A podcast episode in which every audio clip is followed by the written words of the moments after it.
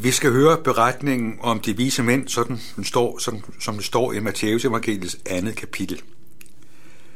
Da Jesus var født i Bethlehem i Judæa i kong Rodes dage, se der kom der nogle vise mænd fra Østland til Jerusalem og spurgte, hvor er jødernes nyfødte konge? For vi har set hans stjerne gå op og er kommet for at tilbede ham. Da kong Rodes hørte det, blev han forfærdet og hele Jerusalem med ham og han sammenkaldte alle ypperste præsterne og folkets skriftkloge og spurgte dem, hvor Kristus skulle fødes. De svarede ham, i Bethlehem i Judæa, for således er der skrevet ved profeten, du Bethlehem i Judas land, du er på ingen måde den mindste blandt Judas fyrster. Fra dig skal der udgå en hersker, som skal vogte mit folk Israel. Så, tiltal, så tilkaldte Herodes i al hemmelighed de vise mænd og forhørte sig indgående om, hvornår stjernen havde vist sig, og han sendte bud med dem til Bethlehem og sagde, Gå hen og spørg jer nøje for om barnet, og når jeg har fundet det, så giv mig besked, for at også jeg kan komme og tilbede det.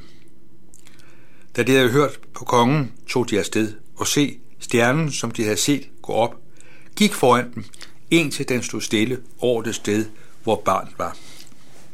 Da de så stjernen, var deres glæde meget stor, og de gik ind i huset, og så barnet hos dets mor Maria.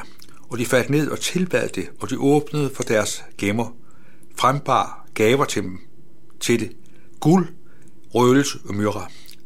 Men i drømme fik de en åbenbaring om ikke at tage tilbage til Herodes, og de vendte hjem til deres land af en anden vej. Hvornår holder man jul? Hvor dumt kan jeg spørge? Vi i Danmark ved jo, at jul holder vi den 24. december.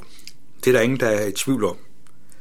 Men i den ortodoxe kirke, der holder man først jul ved Heltre Kongens dag.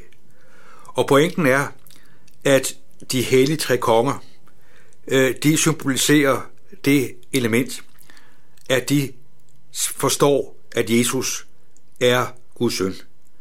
Øh, nu ved vi ikke, om der var tre vise mænd. Det var noget, traditionen har, har skabt de tre vise mænd, mm, de har, og de tre konger, de er normalt blevet tolket som, at det var en konge fra, enten, fra, fra Europa, øh, Afrika og, og, og, og, og Østen.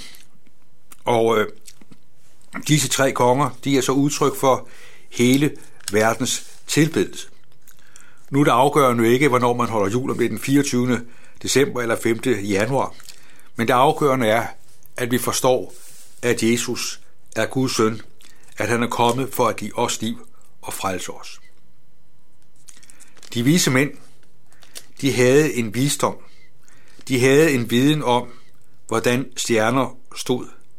Og de havde altså en viden om, at, at forskellige stjernekonstellationer kunne være udtryk for, at der skete noget afgørende i verdenshistorien. Og de har altså set denne nye stjernekonstellation øh, en sådan grad, at de var klar over, at en ny konge var ved at blive født. Det var også et løfte fra 4. Mosebog. Og så ser vi altså, at disse vise mænd, de handler, de nøjes ikke bare med at lade det være fornemmelser og stemninger. De, sætter en, de gør en indsats for at finde ud af, om det, de har set i på himlen, virkelig har noget på sig.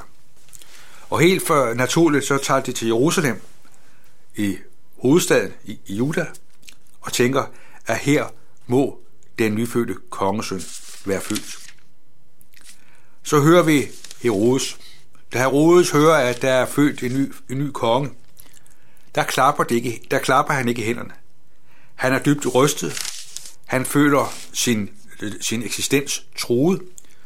Og øh, han øh, tilkalder en, laver en konference, hvor de stedlige teologer skal forholde sig til den her situation.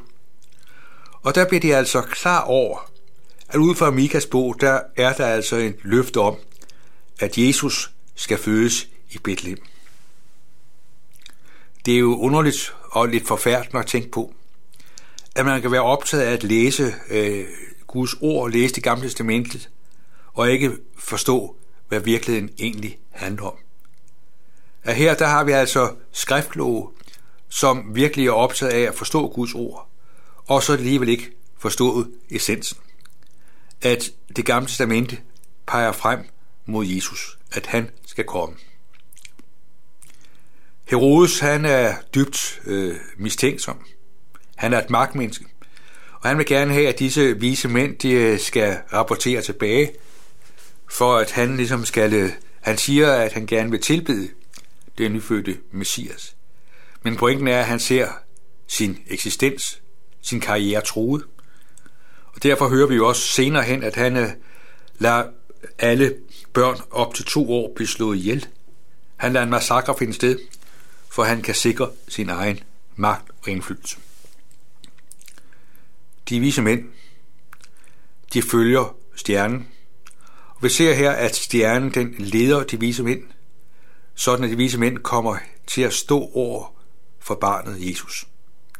Stjernen stod over stedet, står der. Og det gik ind til Maria, og så bliver deres glæde total. Og de gør det bedste, de kan over for, for Jesus, barnet. De giver myrra, røgelse og guld.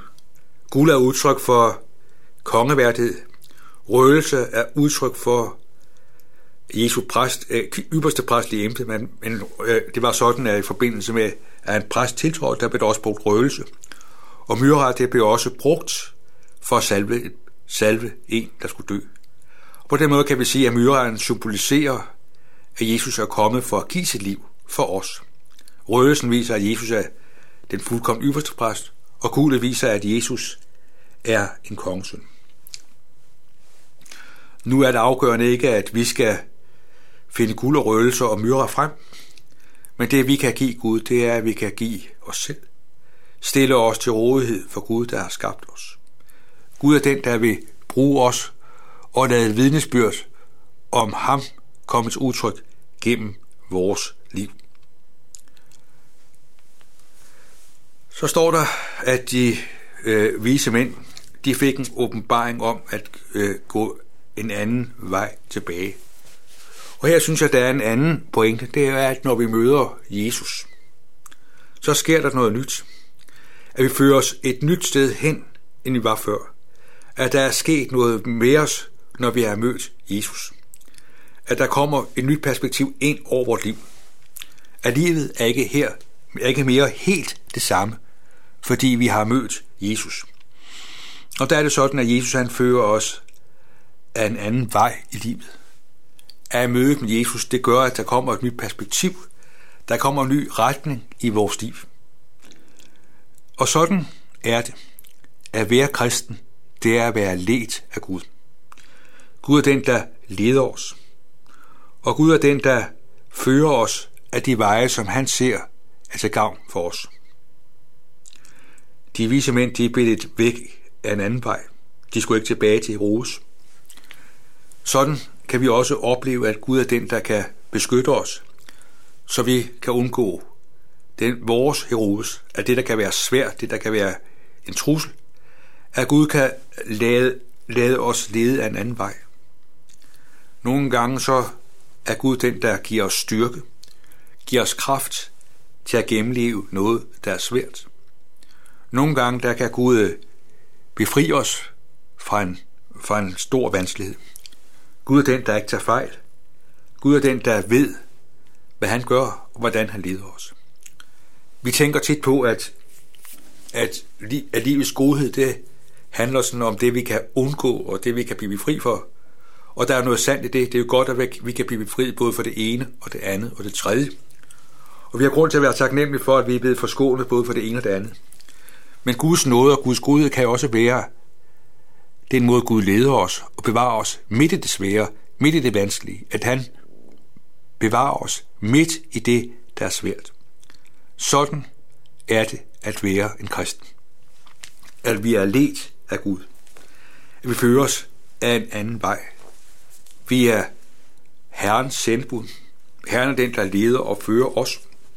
Og som har ledt de vise mænd til, til Jesus og ledt dem videre frem i livet, så vil Gud gerne, at du og jeg først og fremmest bliver ledt til Jesus.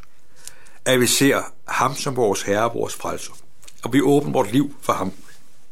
Det vil sige, at Jesus åbner vores liv for ham. Og vi dernæst lader ham lede og føre os af rette veje for sit navns skyld. At vi er kaldet her i denne verden for at være vidne om ham. At Gud er den, der lader os gå i forberedte gerninger. At Gud er den, der lader os møde mennesker, for de mennesker gennem os skulle lære noget om Gud at kende.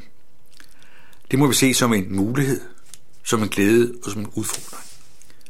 At vi er let, at Gud er den, der vil andre mennesker. Gud er den, der har kaldet os til at være sendbud i denne verden. Og Gud er den, der aldrig svigter. Han er den, der er med og går med. Gud er den, der giver os det, vi har, vi har brug for. Det, at de vise mænd så Jesus, skabte en glæde. De ydmygede sig for Jesus, gav ham det, de kunne give ham. Jesus ønsker også, at du og jeg må ydmyge os for ham. Lad ham være den, der er frelser i livet være ham, vores liv er afhængig af. Han er den, der fører os i dette liv, og vil aldrig svigte os. Amen. Lad os takke og bede. Himmelske Far, vi takker dig for livet, du har givet os. Tak fordi, at du er den, der fører os af rette veje for dit navns skyld. Og så ser du, at øh, det ofte kan være øh, underlige veje, at vi lærer dig at kende. At det var en mærkelig vej for de vise mænd, at de fandt dig. Og sådan kan det også være i vores liv, at det har været en mærkelig vej, at du har fundet vej til os. Men tak fordi du fandt vej til os. Og nu beder vi om, at du må lede os og føre os. Vi beder om, at øh, vi i vores liv må være vidner om dig.